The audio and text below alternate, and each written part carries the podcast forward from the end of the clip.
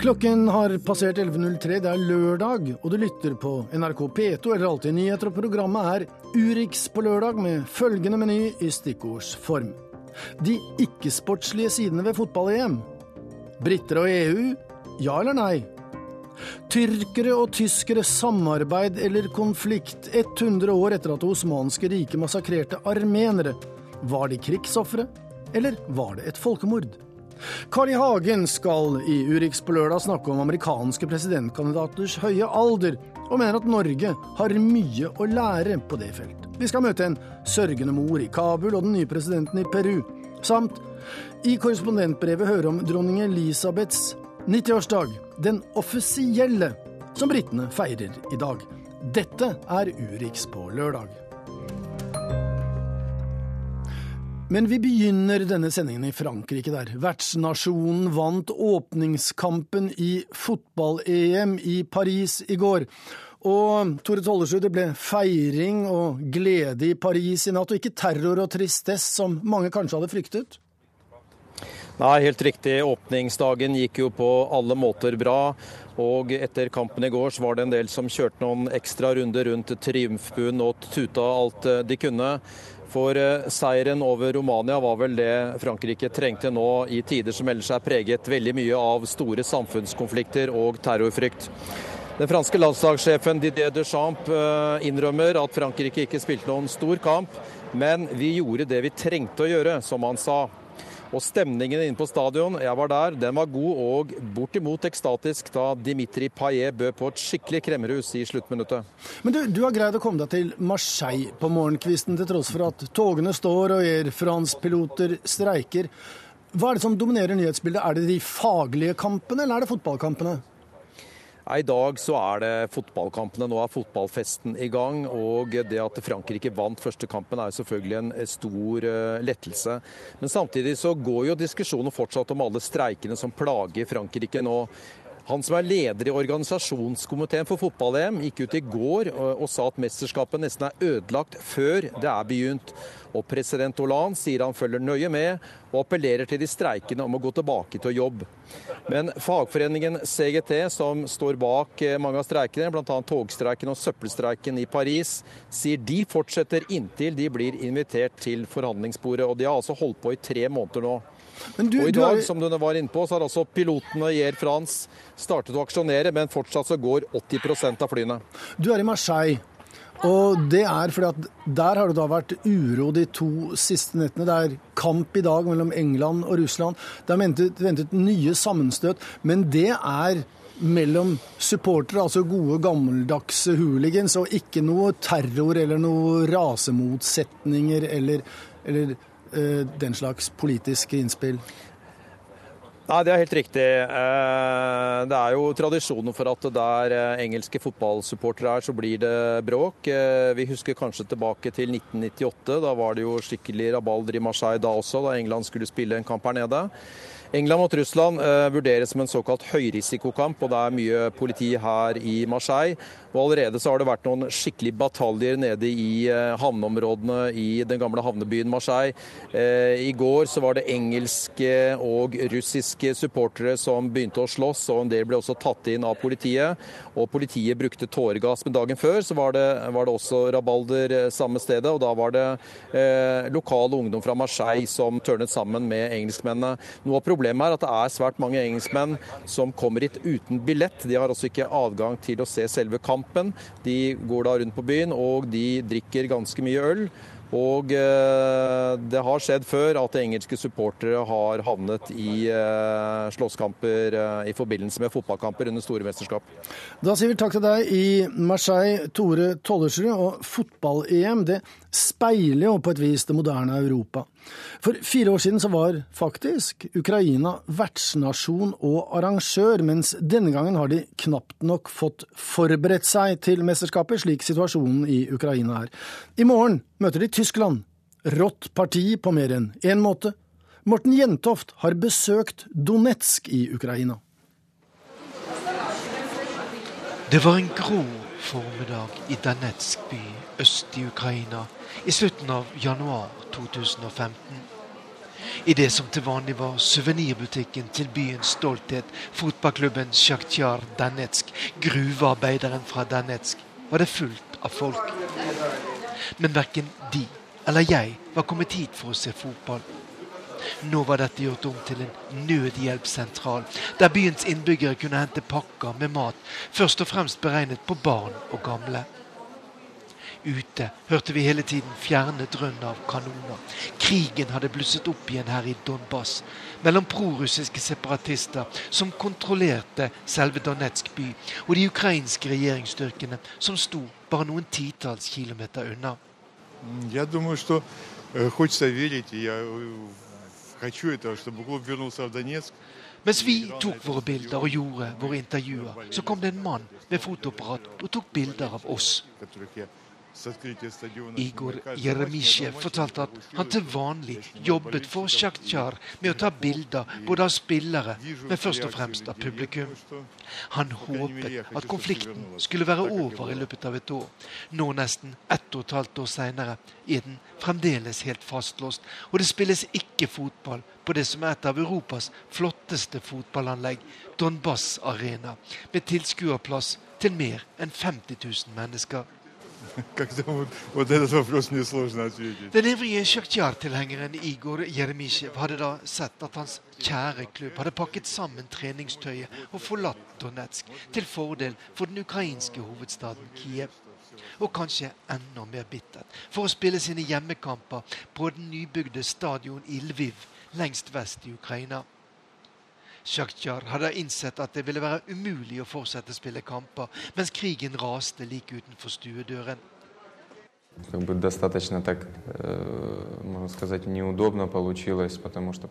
For klubbens spillere, som keeper Anton Kanibolotski, har det vært to vanskelige år, der de altså har måttet spille hjemmekampen i Lviv, en ukrainsktalende by i vest som tradisjonelt har sett med stor skepsis på de russifiserte sjaktjarene fra øst Og fotballen i Ukraina har i høyeste grad blitt berørt av konflikten i landet de siste to årene.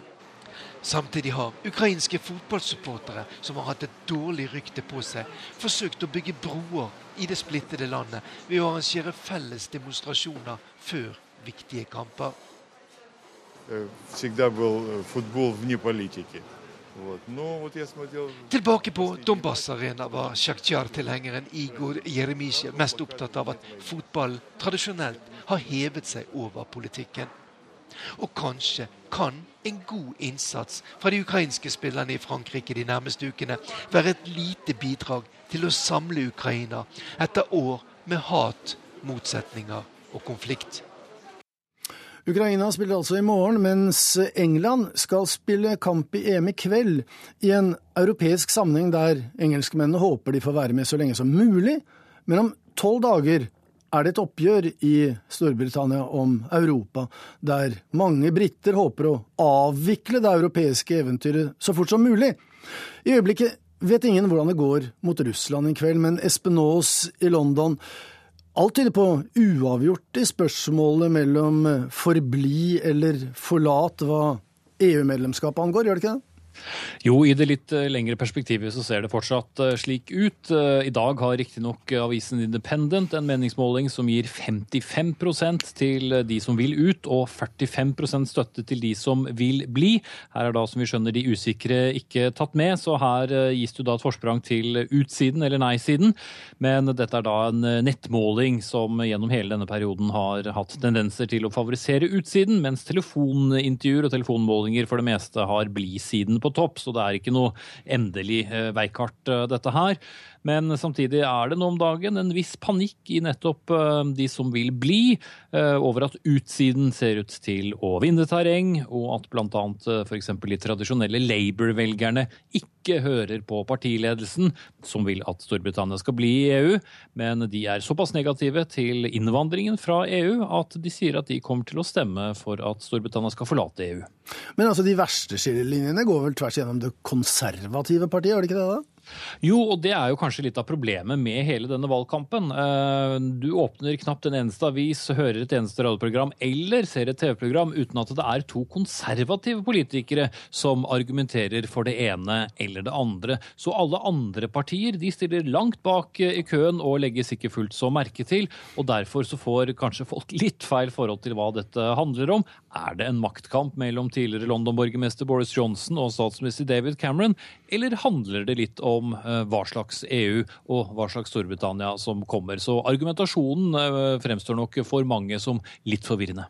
Du, På den ene siden så tror jeg at uh, bookmakerne de satser vel på forbli, mens det såkalte markedet med, med, altså med børsen og pund og den slags Uh, har reagert negativt på at uh, det ser veldig lovende ut for de som vil forlate. Hvordan, hvordan tolker man disse forskjellige tegnene?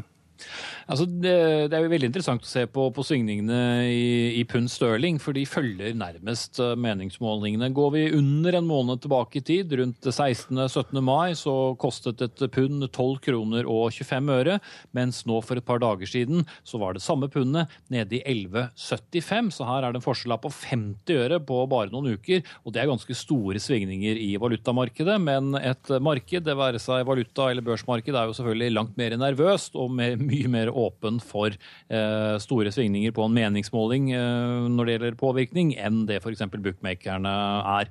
Men for en drøy måned siden så var, var pundet høyt, og da eh, trodde man også at det ville bli en, en, en seier til ja-siden. Kort til slutt, Espen Aas, apropos seier. Man vet jo ikke hvordan det går i denne fotballkampen i dag, men det blir jo feiring uansett, for det er pomp og prakt og parade og festivitas i London i dag. For det er dronningens offisielle fødselsdag. Ja, hvem får vel feiret fødselsdagen sin mer enn dronning Elisabeth 2.? Hun fylte jo egentlig 90 år 21. april, men eh, som alle monarker nærmest før henne, så har hun en offisiell fødselsdagsfeiring, og det er nå tre dager til ende denne helgen. Vi kommer litt tilbake til det mot slutten av sendingen. Espen Aas, London.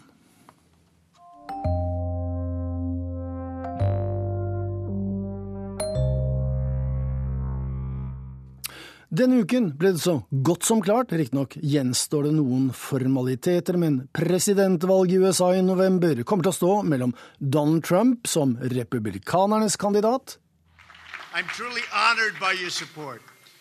Together, we accomplished what nobody thought was absolutely possible. And you know what that is? We're only getting started, and it's going to be beautiful. Remember that og Hillary Clinton som demokratenes kandidat. First time, the first time in our nation's history that a woman will be a major party's nominee for president De representerer begge New York og er godt voksne mennesker. På valgdagen i november er Hillary Clinton i sitt 70. år, mens Donald Trump fyller 70 år nå på tirsdag. Aldri tidligere har USAs velgere hatt to så voksne kandidater å velge mellom. Selv om president Ronald Reagan var 73 år da han satte sin motkandidat Walter Mondale ut av spill med denne replikken. I will not make age an issue of this campaign. I am not going to exploit for political purposes my opponent's youth and inexperience. Årets to amerikanske presidentkandidater er begge eldre i dag enn det Einar Gerhardsen var da han gikk av som norsk statsminister for siste gang i 1965. Og USA ser ut til å verdsette erfaring. Den republikanske kandidaten i 1996, Bob Dole, var 73 år. John McCain i 2008 var 72 år. Utenriksminister John Kerry, som kommer til Norge til uken, er 72 år mens visepresident Joe Biden er 73. For ikke å snakke om han som har tent unge velgere i USA dette året, Bernie Sanders, som fyller 75 år i september. Vi eh, har en eh, politisk eh, veteran i studio. Carl I. Hagen, velkommen. Tusen takk, og jeg er 72 år. Er det noen som satser på deg? Nei, ingen andre enn meg selv. Er det foruroligende, eller, eller tjener det USA til ære at de, da, såkalt tør å satse på de godt voksne? Jeg syns det tjener USA til ære at de ikke har noe særlig aldersgrenser i det hele tatt. Og høyesterettsdommere sitter til de dør. Her blir de kasta ut når de er 70. Nei, jeg syns det er en positiv ting, fordi det betyr at de verdsetter erfaring, og at man har levd en stund og har opplevd en del ting tidligere. Men altså, vi har, uten at vi skal snakke om henne, men vi har en statsminister nå på 55 år med masse erfaring. Hva er det en La oss si en Erna Solberg på 70 år vil vite mer om og kunne mer om om 15 år enn hun kan i dag? Da har hun hatt enda mer erfaring. Da har hun vært igjennom, hvis hun ikke fremdeles er statsminister, så vil hun ha vært statsminister på godt og vondt og sett hvilke feil hun gjorde, hva hun gjorde positivt og hvordan det hele det var, og vil være bedre kvalifisert enn ganske mange andre. Eh, men dette kommer an på holdningen i de forskjellige samfunn. I Norge har jo holdningen lenge vært at arbeid er noe farlige fygreier som du skal gjøre nesten minst mulig av for best mulig lønn, og så skal du bli pensjonist og nyte ditt otium. Mens i andre land er det å arbeide det er en vesentlig del, og jeg er veldig glad for at vi også er inne i en trend nå hvor vi arbeider for at folk skal jobbe lenger og være fullt med i samfunnet mye lenger. og Da må vi også eh, akseptere at eh, folk er oppe i årene når de blir valgt til eh, f.eks. til Stortinget og til viktige verv. Ja, men Arbeid er én ting, men må man være commander in chief? Jeg skal ta et eksempel. for Dette kuttet vi hørte med Ronald Reagan, dette svaret hans. Den opprinnelige problemstillingen der var fra journalisten som stilte spørsmålet, at John F. Kennedy, som på det tidspunktet var 45 eh, år, han måtte holde seg våken gjennom flere døgn under Cuba-krisen. Og spørsmålet til Reagan var, og ryktene gikk jo at, om at han gjerne duppet litt av og tok det litt med ro tidlig på ettermiddagen, om Reagan hadde den stayerevnen og den utholdenheten. Har man det når man er 72, da, for å snakke om deg? Ja, Det er klart det kommer helt an på omstendighetene, men jeg stiller stort spørsmålstegn med nødvendigheten av å holde seg våken. Det går an å kunne bli vekket hvis noe skjer. Bør ikke sitte og vente og vente og vente. Så det å holde seg våken, og hvor stor form man Da kan man snakke om Winston Churchill, som også var en eldre mann når han ble statsminister, og han var visst, så vidt jeg vet, eh, relativt ofte også beruset. Slik at dette er individuelt, og alder i seg selv bør ikke være det avgjørende.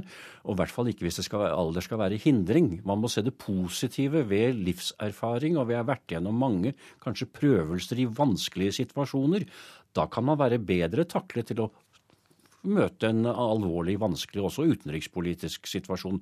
Men i USA har man jo et svært apparat av embetsverk på alle bauger og kanter. Så det, man skal ikke overdrive overdrive den la oss si, makten en president kan utøve i realiteten. Når du nevner navnet på alle de som er oppe i 70-årene og er i veldig innflytelsesrike posisjoner Jeg husker jeg hadde besøk av den indiske eh, ambassadør en gang, barnebarnet til Gandhi. Eh, da var vel jeg 55-56 år og sa at jeg nærmet meg nå liksom slutten på min karriere. Han lo, han sa i India hadde det du, vært, du hadde fremdeles vært i ungdomspartiet. De hadde jo statsminister på 80 år. Men er det ikke slik, jeg kan jo snakke for meg sjøl nå, går det ikke litt langsommere? Eh, glemmer man ikke navn? Er det ikke tyngre å sette seg inn i f.eks. moderne teknologi, nye plattformer, som vi sier, når man er godt voksen og moden, enn når man er yngre? Dette er veldig individuelt. Du har digitale racere på 85 år, og du har, som du sier, sånne, sånne som deg og meg, som kanskje kan det vi må og følge med. Men det er jo ikke det som skal til i mange ledelsesfunksjoner, at du kan trykke på de forskjellige duppedittene og få de programmene opp. Det er jo helt andre ting som er å være i ledelsesfunksjoner. Når vi nå snakker, så begynte vi om, om president i USA. Det er ikke presidenten selv som gjør dette med teknologi og digitalt, men de må ha en viss kunnskap, og det, det har, har, de helt klart. Og alle de som er, er med, er fremoverlent på disse områdene. Nå er jo dette helt uaktuelt, men gitt at verden og situasjonen og partipolitikken og stortingstaburetten hadde vært fordelt på et annet vis, kunne du tenkt deg Du kan jo ikke bli president i USA, men kunne du tenkt deg å påtatt deg et verv som f.eks. statsminister nå i en alder av 72 år, gitt alle disse forbeholdene jeg sier? Ja, selv, ja, selvsagt. Så enkelt? Så enkelt, så enkelt. Og for å si det sånn eh, Det er mye ting som da ville vært litt annerledes og litt bedre for det norske samfunn. Når vi snakker om det amerikanske presidentvalget og alderen der, har du eh, noen eh, personlig favoritt? Egentlig ikke, men jeg, jeg, jeg har, det, er så, det, er så, mange ting, og jeg har ikke fulgt så mye med. Altså Hvis jeg skulle velge, så ville jeg fulgt med mye bedre enn jeg har gjort. Men jeg har hatt sans for Bernie Sanders, fordi ulikhetene i USA er det et enormt utfordring og problem. Altså at noen liksom tjener tusenvis av ganger mer enn de som er gjennomsnittslønn osv. Altså forskjellene kan være en slags bombe hvis det begynner å boble nedenifra av protester fra de mange mot de få på toppen. Eh, så jeg har hatt sans for Bernie Sanders. Der må jeg nesten avbryte og presisere for de som nå ikke tror det de hører. Carl I. Hagen støtter den mest eh, Kall det gjerne venstreradikale. Venstre jeg sa ikke jeg har sans for han. Det betyr ikke at jeg hadde stemt for han. På en måte så hadde det Dream Team for meg nå det hadde vært hvis Donald Trump og Bernie Sanders slo seg sammen med, Bernie, med Trump som presidentkandidat og Sanders som visepresidentkandidat. Da måtte de finne noe litt kompromisser. Sånn som jeg sa hele tiden, Fremskrittspartiet tatt det beste fra Høyre, nemlig konkurranse og, og initiativ osv., men solidariteten fra Arbeiderpartiet, altså kombinert det beste i Arbeiderpartiet med det beste i Høyre. Det var miksen i Fremskrittspartiet, som var en suksess da jeg var partileder.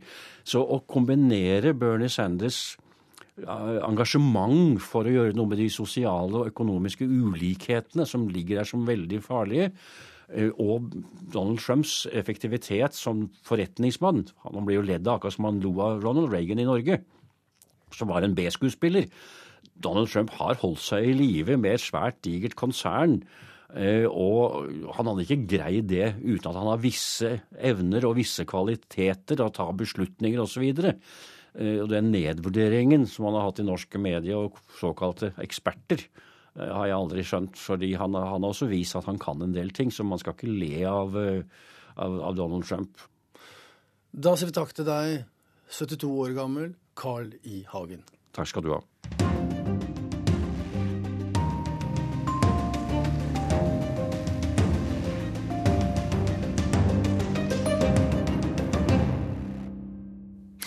Forholdet mellom Tyskland og Tyrkia er blitt ualminnelig viktig for Europa det siste året. Derfor er det mer enn upassende at aksen Berlin-Ankara nå har kjølnet betraktelig. Den akutte forverringen inntraff tidligere denne måneden da den tyske forbundsdagen vedtok at osmanernes massedrap av armenere under første verdenskrig var folkemord. Sissel Wold har gått såkalt bak nyhetene. Vi er soldater, synger en gruppe tyrkiske menn utkledd som osmanske krigere.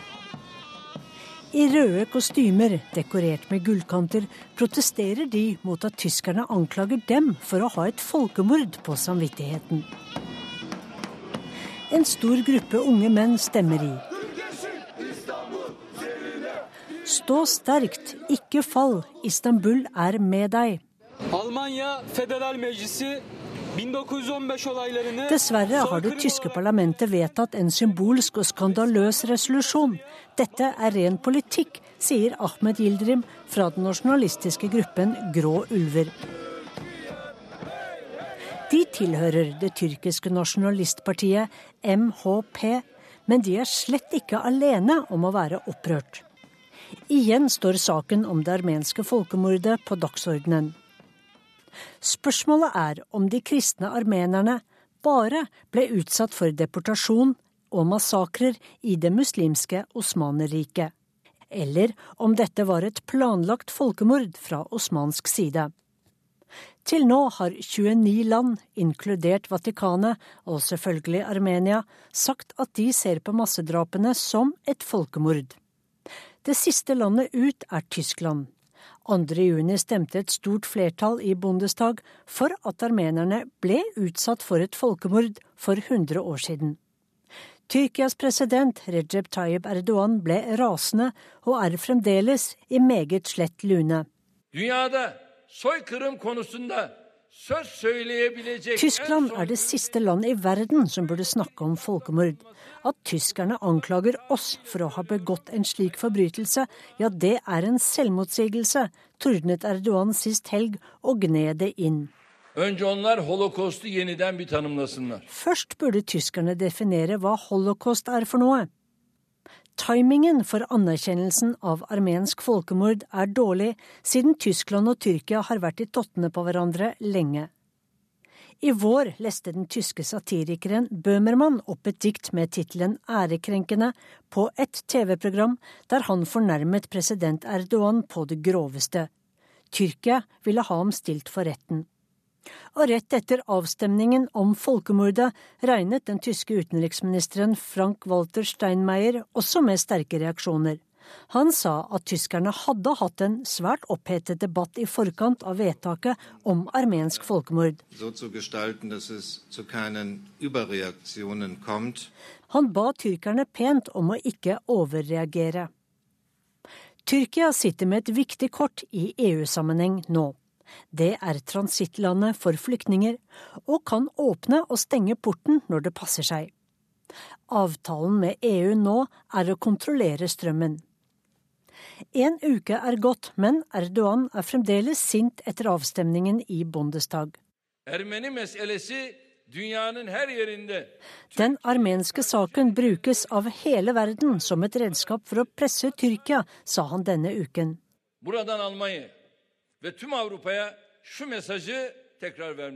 Jeg gjentar mitt budskap til Europa. Enten løser vi aktuelle saker på en rettferdig måte. Om ikke vil Tyrkia slutte å være en beskyttende barriere mot EU, og vi vil overlate Europa til seg selv med problemene. Presidenten antydet dermed at Tyrkia når som helst kan åpne slusene for flyktningstrømmen. Men hvorfor blir tyrkerne så opprørt over anklager fra 100 år tilbake? Hva skjedde den gangen, under første verdenskrig, før det moderne Tyrkia ble til? Det mektige osmanske riket var på vei mot kollaps og ble omtalt som Europas sykemann. Det muslimske Osmanerriket lå i krig med Tsar-Russland, ledet av tsar Nikolai 2., som mente at han var innsatt av Gud, den kristne guden. Armenerne, som også var kristne, hadde dannet frivillige væpnede grupper som kjempet på russernes side. Dette så de nasjonalistiske ungtyrkerne på som et svik, siden armenerne jo bodde i det osmanske riket som de styrte. Den kristne minoriteten, armenerne, fikk rollen som syndebukk da Osmaneriket tapte for russerne. 27. mai 1915 vedtok det osmanske parlamentet i Istanbul en lov om tvungen forflytning, eller deportasjon, av den armenske befolkningen. Dette førte til at et sted mellom 800 000 og 1,5 millioner armenere mistet livet. Mange ble drept og slaktet ned. Tyrkiske myndigheter mener at det ikke kan dreie seg om mer enn toppen en halv million og at de ble drept som en del av krigshandlingene, for i krig dør folk. Mens tyrkerne er opprørte, er armenere verden over svært glade for Tysklands avstemning. Which Pope Francis called the first genocide in the history of humanity. And recognition by uh, German parliament is a key point given that Germany was a Pave Frans har omtalt det armenske folkemordet som det første folkemord i humanismens tidsalder. Og nettopp det at Tyskland anerkjenner folkemordet, er avgjørende, siden Tyskland sto på osmanernes side under første verdenskrig, sier Samuel Farmanyan, folkevalgt i det armenske parlamentet i Jerevan. Det er ikke enkelt å være tysk-tyrker i en slik sammenheng, og i Tyskland bor det tre millioner av dem. Under forrige tyrkiske valg, altså i fjor, stemte rundt 60% av tysk-tyrkerne på Erdogans islamkonservative parti. Mange er kritiske til den tyske forbundsdagens vedtak om å kalle drapene på armenerne for 100 år siden for et folkemord. Korrespondent Guri Nordstrøm i Berlin møtte tyrkerne som bor der. Letzte.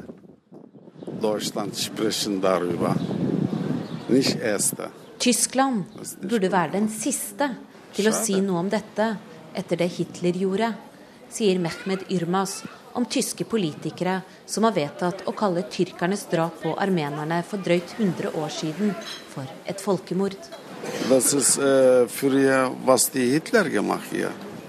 Den betente historien opprører også tyrkere her i Berlin. Dagen før forbundsdagens vedtak gikk 1500 av dem i demonstrasjonstog ved Brandenburger Tor. Det gjør meg trist, sier Irmas, som har bodd i Tyskland siden 1969 og driver en blomsterbutikk i Kreuzberg. Området blir pga. alle tyrkerne som bor der, bare kalt for Lille Istanbul. Og T-bane U1 som går hit til Kottbusser Tår, blir på folkemunne kalt Orientekspressen. På boligblokkene her vender alle parabolantennene mot sørøst, slik at beboerne kan ta inn tyrkisk radio og fjernsyn.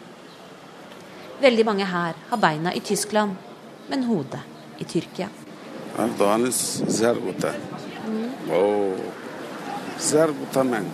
Erdogan er et svært godt menneske.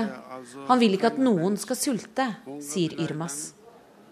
Tyrkias president Erdogan er den store helten for mange av de tre millioner tyrkerne som bor i Tyskland, og som utgjør landets største innvandringsgruppe. Under valget i fjor stemte 60% av tysktyrkerne på Erdogans parti. Mange av dem er lite integrert i det tyske samfunnet.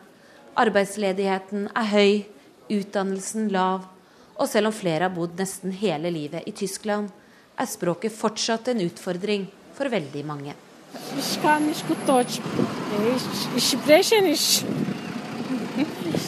Nå som det skaker i sammenføyningene mellom Tyskland og Tyrkia, har de fleste sympatien sin i opprinnelseslandet.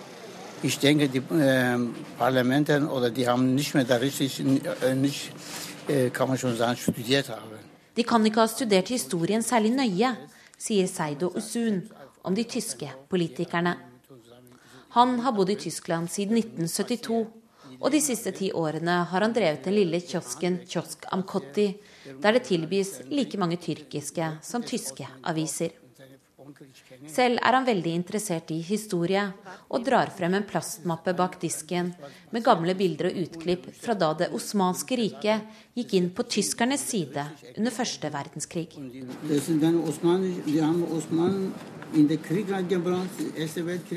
Den gang trengte det osmanske riket en sterk alliert etter Balkankrigene. De vendte seg mot Tyskland, som hadde investert mye i området, bl.a. gjennom jernbanestrekningen Berlin-Bagdad.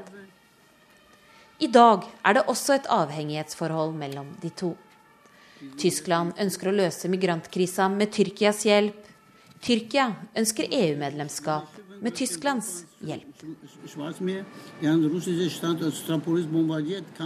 Men etter forbundsdagens vedtak om Armenia og det tyske satirediktet om Tyrkias president Erdogan er forholdet dårligere enn på veldig lenge.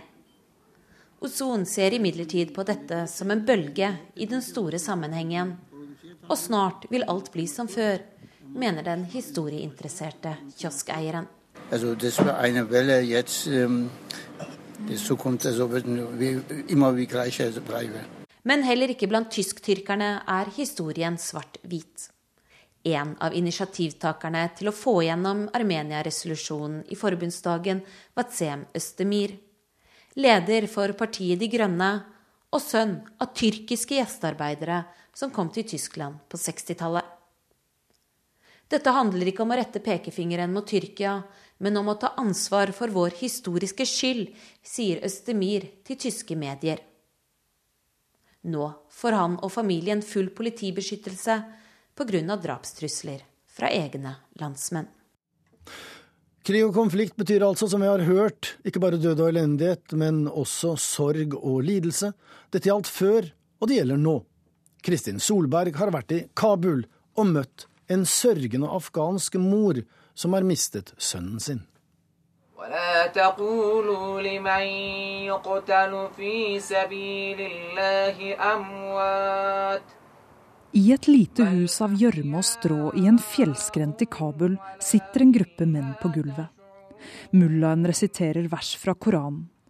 Sammen ber de for den døde, han som nettopp forlot dem, brått og brutalt, som så mange andre i dette landet.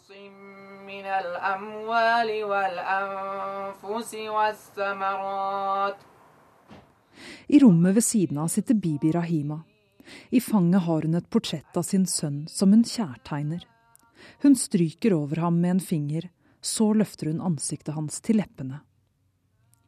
Bibi Rahima er 60 år, men som de fleste afghanske kvinner på denne alderen ser hun eldre ut enn hun er.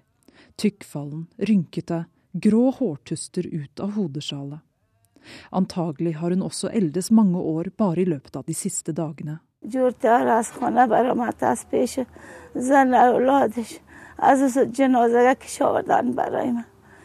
Han dro hjemmefra og alt var vel med ham, men han kom tilbake som et lik, sier Bibi Rahima. Onsdag 25. mai dro hennes sønn til jobben som vanlig, men kom aldri hjem. 40-årige Hekmatullah ble drept i et selvmordsangrep mot en minibuss med myndighetspersoner. Hekmatullah var deres sjåfør. Taliban tok på seg skylden og sa det var hevn for at de afghanske myndighetene like før hadde henrettet seks Taliban-fanger. En endeløs spiral av vold rammet rett inn i Bibi Rahimas liv. Hun hadde bekymret seg lenge, hver gang sønnen dro på jobb og kjørte minibussen rundt i gatene. Sikkerhetssituasjonen i dette landet er lenge blitt verre.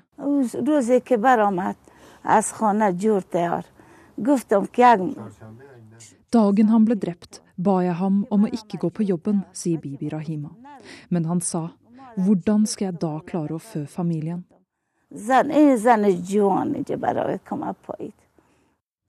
Det sies at ingenting er verre enn å miste et barn. Men i denne familien er tapet av en far kanskje vel så ille for 16-årige Rohulla. Som Hekmatullahs eldste sønn er Rohulla nå ansvarlig for å sikre en inntekt for sin mor, bestemor og yngre søsken. Faren sa alltid til ham du må gå på skolen, få en utdannelse. Og Ruhulla lovet å gjøre det, men nå må han kanskje slutte for å jobbe isteden.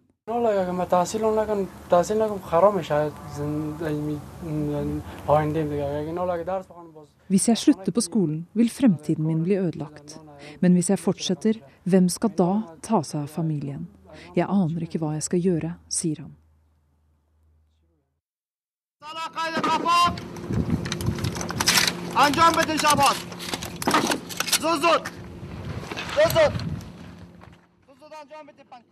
Det er bare noen kilometer unna Bibi Rahimas hus, men en annen verden. Kabuls militære treningssenter, der nye rekrutter til den afghanske hæren trenes opp. I dag står skytetrening på programmet. Det er den afghanske hæren som er ansvarlig for sikkerheten i Afghanistan nå, etter at de fleste Nato-soldater trakk seg ut. Det er en vanskelig, kanskje umulig oppgave. Aldri siden 2001 har Taliban kontrollert mer territorium. Aldri er flere sivile, som Hekmatullah, blitt drept. Og for å gjøre problemet verre, i fjor måtte den afghanske hæren erstatte en tredjedel av sine soldater pga. deserteringer og tapstall. Men brigadegeneral Saher, ansvarlig for å trene opp de nye rekruttene, sier den afghanske hæren skal klare oppgaven.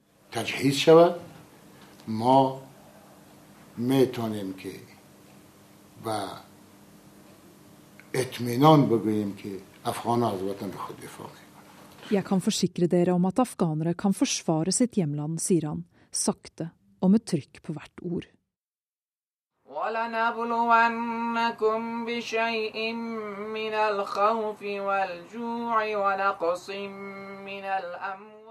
Men det tror egentlig ikke Bibi Rahima og hennes familie på, fordi de fleste tegnene tyder på det motsatte. Og fordi de føler det i savnet de føler hver dag.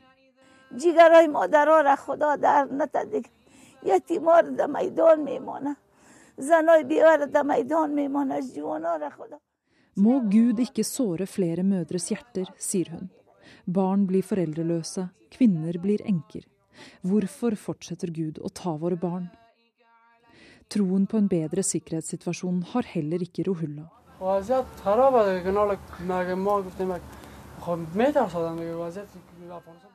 Situasjonen er forferdelig. Det er som oftest skummelt å gå hjemmefra. Det finnes ingen garantier for om du kommer hjem i live, sier han. Og det vil han alltid vite bedre enn de fleste.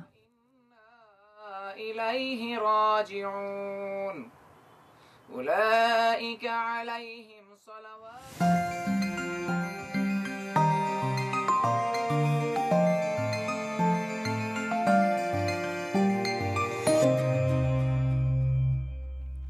Nå Latin-Amerika der. Presidentvalget i Peru sist helg ble det jevneste i landets historie.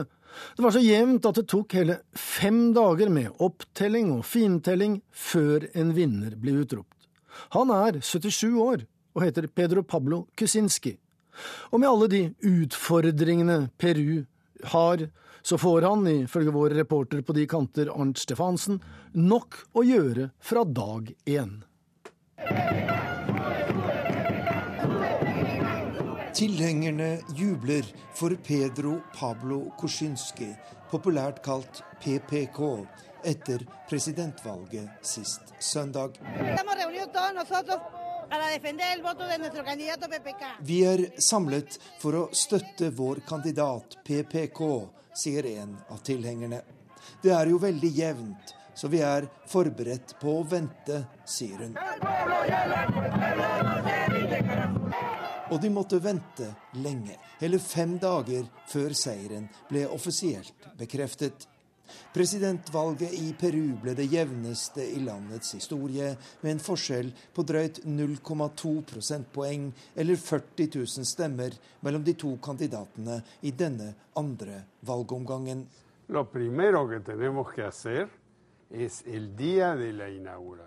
Perus nye president er hele 77 år og har en stor karriere bak seg som politiker og økonom. Han har vært statsminister og har hatt høye stillinger i Verdensbanken og i Det internasjonale pengefondet. Hans viktigste løfter til velgerne er å bekjempe korrupsjon og kriminalitet, og få ny fart på økonomien, som etter mange år med sterk vekst har stagnert noe de siste årene. La lista de trabas a la inversión. Son como 150 trabas. Vi har lagt frem en liste med 150 hindringer for å få til nye investeringer. Disse byråkratiske hindringene lover jeg å fjerne, slik at vi igjen kan bli et ledende land i Latin-Amerika når det gjelder økonomisk vekst.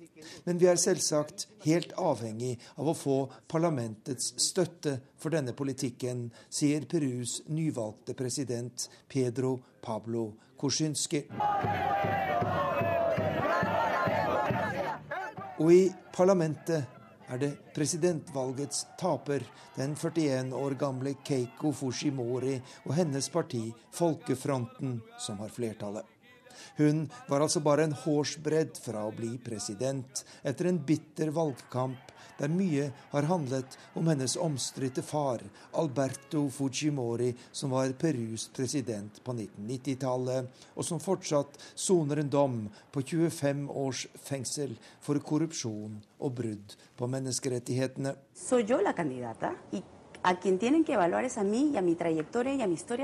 Det er jeg som er presidentkandidat, sier Keiko Fujimori i et TV-intervju foran valget. Og jeg ber om at man vurderer meg ut fra det jeg gjør og det jeg står for, og ikke dømmer meg for det min far gjorde, sier 41-åringen, som nå blir Perus viktigste opposisjonspolitiker. Men forskjellene mellom henne og den 77 år gamle nye presidenten er ikke så store som man skulle tro. Pedro Pablo Kuczynski og Keiko Fujimori kommer fra den samme rike og mektige eliten i Perus hovedstad Lima.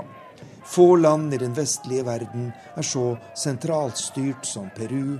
Få land har en så sterk konsentrasjon av penger, makt og politisk innflytelse som det man finner i den peruanske hovedstaden. Denne eliten har også utviklet en helt spesiell politisk kultur, der det er personer og ikke partier som spiller hovedrollen. Det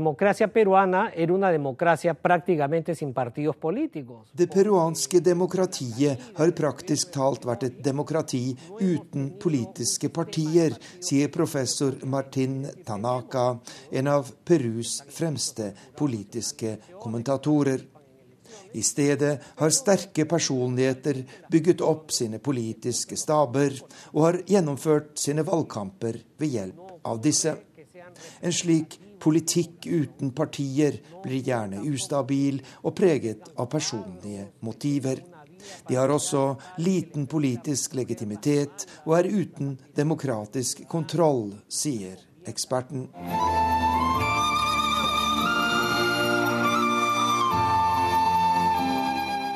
45% av Perus 38 millioner innbyggere er urfolk. De lever i all hovedsak utenfor hovedstaden og har liten eller ingen politisk innflytelse.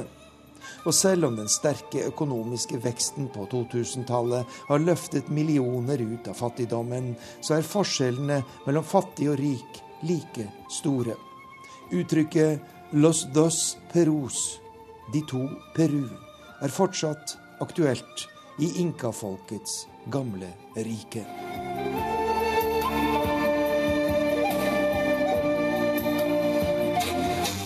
Ja, fra Peru skal vi til London. Der feires, som tidligere nevnt i denne sendingen, den 90-årige dronningens offisielle fødselsdag i dag.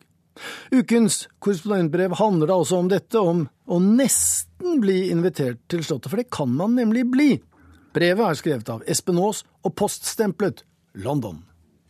Hvem eier denne lydopptakeren? Spørsmålet ble stilt skarpt utover det fullstappede lokalet ti minutters gange fra Victoria stasjon. Adressen var 110 Rochester Row, som i annonser for seg selv reklamerer med fleksible møterom bare noen minutter fra Victoria stasjon. Det kunne bekreftes. Den som stilte spørsmålet, kan jeg dessverre ikke navngi, for dette var et møte med mange restriksjoner, men jeg var nå iallfall der. I et møterom med grått gulvteppe og en blanding av panel og hvit mur på veggene satt store deler av det internasjonale pressekorpset i London. Utenfor lokalet kunne du forsyne deg med vann. Det var to mugger. I den ene fløt et par jordbær, i den andre noen båter med lime. Jeg har sjelden opplevd så mange London-korrespondenter samlet på én gang, men det var også en begivenhet av de sjeldne. Vel, den skulle ha vært en av de sjeldne, det var den opprinnelige planen. Vi var blitt invitert til det som heter en bakgrunnssamtale. Det blir du som journalist innimellom. Du får informasjon om noe som skal skje, slik at det blir lettere for deg å gjøre jobben din, og i dette tilfellet lettere for arrangøren av en kommende begivenhet å arrangere den. På forhånd var det gjort klart at ikke det var lov til å filme, det var ikke lov til å ta bilder, ikke lov å navngi dem som snakket, eller ta lydopptak. Derfor dette strenge spørsmålet fra en av dem jeg altså ikke kan navngi. Men altså, den, eller snarere det, som hadde invitert, var selveste Buckingham Palace, og opprinnelig var det dit vi var invitert, til boligen til dronningen, boligen til den enhver tids sittende britiske monark i 180 år, vi skulle egentlig gått inn dit denne ettermiddagen via en sidedør, og i den opprinnelige invitasjonen var det skrevet en del i rødt om hvordan det skulle foregå. Til denne sidedøren skulle vi ta med oss noe viktig, noe svært viktig, nemlig en strøm- eller gassregning. Det er et av de viktigste dokumentene i Storbritannia. Der står det hvem du er, og hvor du bor. Denne husholdningsregningen er det dokumentet du må ha hvis du f.eks. skal åpne en bankkonto, og åpenbart når du skal legitimere deg på Slottet. I tillegg måtte vi ha med oss et pass eller et førerkort. Pressekortet vårt, som er godkjent av britisk politi, var ikke godt nok. En regning fra British Gas, derimot. Ja, og så var det beskjed om å kle deg pent, ikke olabukser eller joggesko. Den siste delen av beskjeden var ikke bare skrevet i rødt, der var også alle ordene streket under. Med så mange instrukser på hva du skal gjøre, og i enda større grad ikke gjøre, er det mest fristende for deg som journalist å takke nei til invitasjonen. For i en travel og presset arbeidshverdag virker det nesten absurd å skulle investere flere timer på noe som er så strengt regulert, og attpåtil ikke kunne rapportere om det. Til tross for alle disse formaningene var interessen enorm. Det var åpenbart veldig mange internasjonale korrespondenter som hadde gass eller strømregning, pass eller sertifikat og andre klær enn olabukse eller joggesko. Så mange at møtet ikke kunne avholdes på Buckingham Palace likevel. Sikkerhetssjekken ville tatt for lang tid, fikk vi vite. så derfor satt vi nå her, litt som sild i tomat, ikke på grunn av sausen, men på grunn av trengselen. Noen minutters gange fra Victoria stasjon. Og noen dager før, da kontrameldingen kom, fikk vi også vite at der var joggesko og olabukse tillatt, uten at noen hadde tatt på seg det, og jeg så ikke snurten av en eneste gass- eller strømregning heller. Men hvorfor hadde Buckingham Palace invitert til bakgrunnssamtale, det har du kanskje lurt på de siste avsnittene. Vel, det hadde seg slik at denne hendelsen skriver seg noen måneder tilbake i tid, men nettopp derfor kan jeg også, forsiktig, referere herfra. Det medfører nemlig ingen sikkerhetsrisiko lenger. Det handlet om at dronningen skulle fylle år og bli feiret, og som mange sikkert nå vet, var det ikke noe hvilket som helst alder hun skulle nå, men 90 år. Det å fylle 90 år er ikke småtteri for noen, mange opplever det ikke engang, og hvor mange kjenner du egentlig som har fylt 90? Og du kjenner vel neppe noen 90-åringer som er statsoverhode for 142 millioner mennesker iallfall, kanskje enda noen flere, Det er bare én, nemlig dronning Elisabeth 2., eller Elisabeth Alexandra Mary, som hun er døpt. Hun er ikke bare dronning i Det forente kongeriket Storbritannia og Nord-Irland, men hun er også dronning for Antigua Barbuda, Australia, Bahamas, Barbados, Belize, Canada, Grenada, Jamaica, New Zealand, Papua Ny-Guinea, St. Kitts og Nevis, St. Lucia, St. Vincent og Grenadinene, Salomonøyene og Tuvalu. Det er det iallfall ingen andre 90 år gamle damer som er, og ikke har det vært det før henne heller. Den lille grå damen som egentlig skulle vært pensjonert i forrige århundre dersom hun hadde hatt en vanlig jobb, er trolig verdens mest kjente dame. Og ja, jeg sier dame, ikke kvinne. Og en veldig arbeidsom gammel dame også. På det tidspunktet vi var samlet til denne bakgrunnssamtalen, hadde hun hatt én og samme jobb i 23 421 dager. Listen over folk som har like mange dager i samme jobb, er forholdsvis kort, hvis det i hele tatt finnes noen slik liste. Så alt dette alene, alle tradisjonene, plassen i historien, og jeg må jo også legge til den enorme populariteten hos folk, gjør at du svelger i deg alle formaningene, reglene og restriksjonene, og dukker opp likevel, selv om det ikke er på Slottet. Selv om jeg også vet at en del seere, lyttere og lesere kan få brekningsfornemmelser av for mye kongestoff, er det enda flere som vil ha det. Det handler derfor om å finne en balanse i dekningen, både i presentasjon og omfang. Så der satt jeg, uten kamera, uten lydopptaker, kun med et nettbrett jeg noterte på, og ja, et glass vann med hint av jordbær.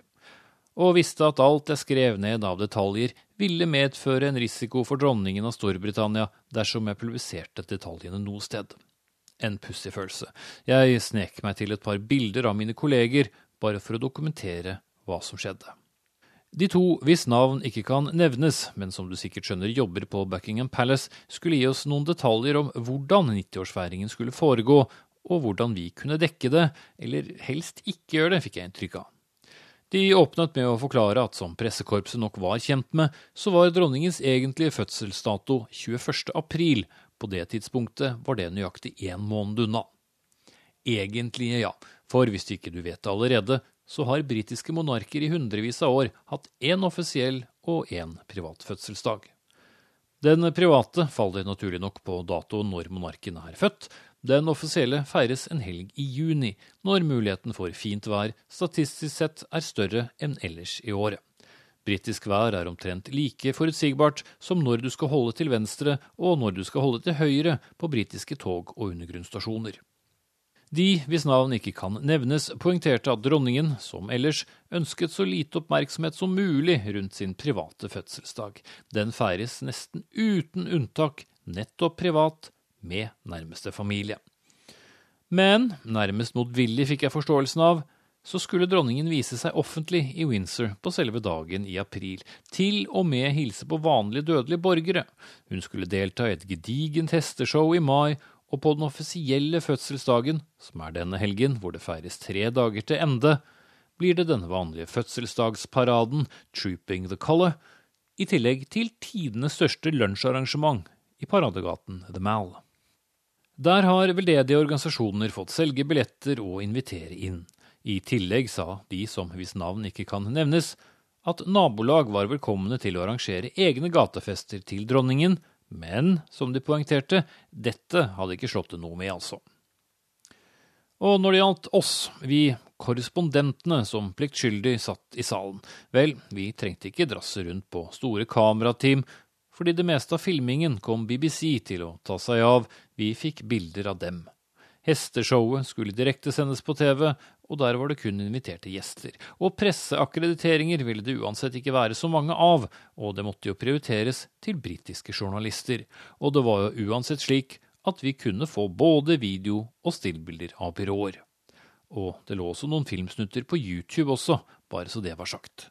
Det var i grove trekk det vi trengte å vite om de kommende fødselsdagsfeiringene. Og den eh, opptakeren, forresten, du, den fikk lov til å ligge, den, hvis eieren lovte å ikke bruke opptaket til noe. Skjønt, hva skulle han bruke det til? Det eneste måtte være om han skulle skrive et korrespondentbrev. Etter at feiringen så godt som var over. Men eh, gratulerer med dagen likevel, dronning Elisabeth, sånn på den offisielle dagen, mener jeg. Ja, vi minner om at eh, denne perlen fra Espen Aas i London pluss litt mer kan høres i reprise på P2 klokken 16.40 i ettermiddag. De som tok seg av eh, dagens sending teknisk, det var Finn Lie. Praktisk og administrative saker og ting, det passet Ola Solheim på. Og programleder denne junilørdagen, det var meg, og jeg heter Joar Hoel Larsen.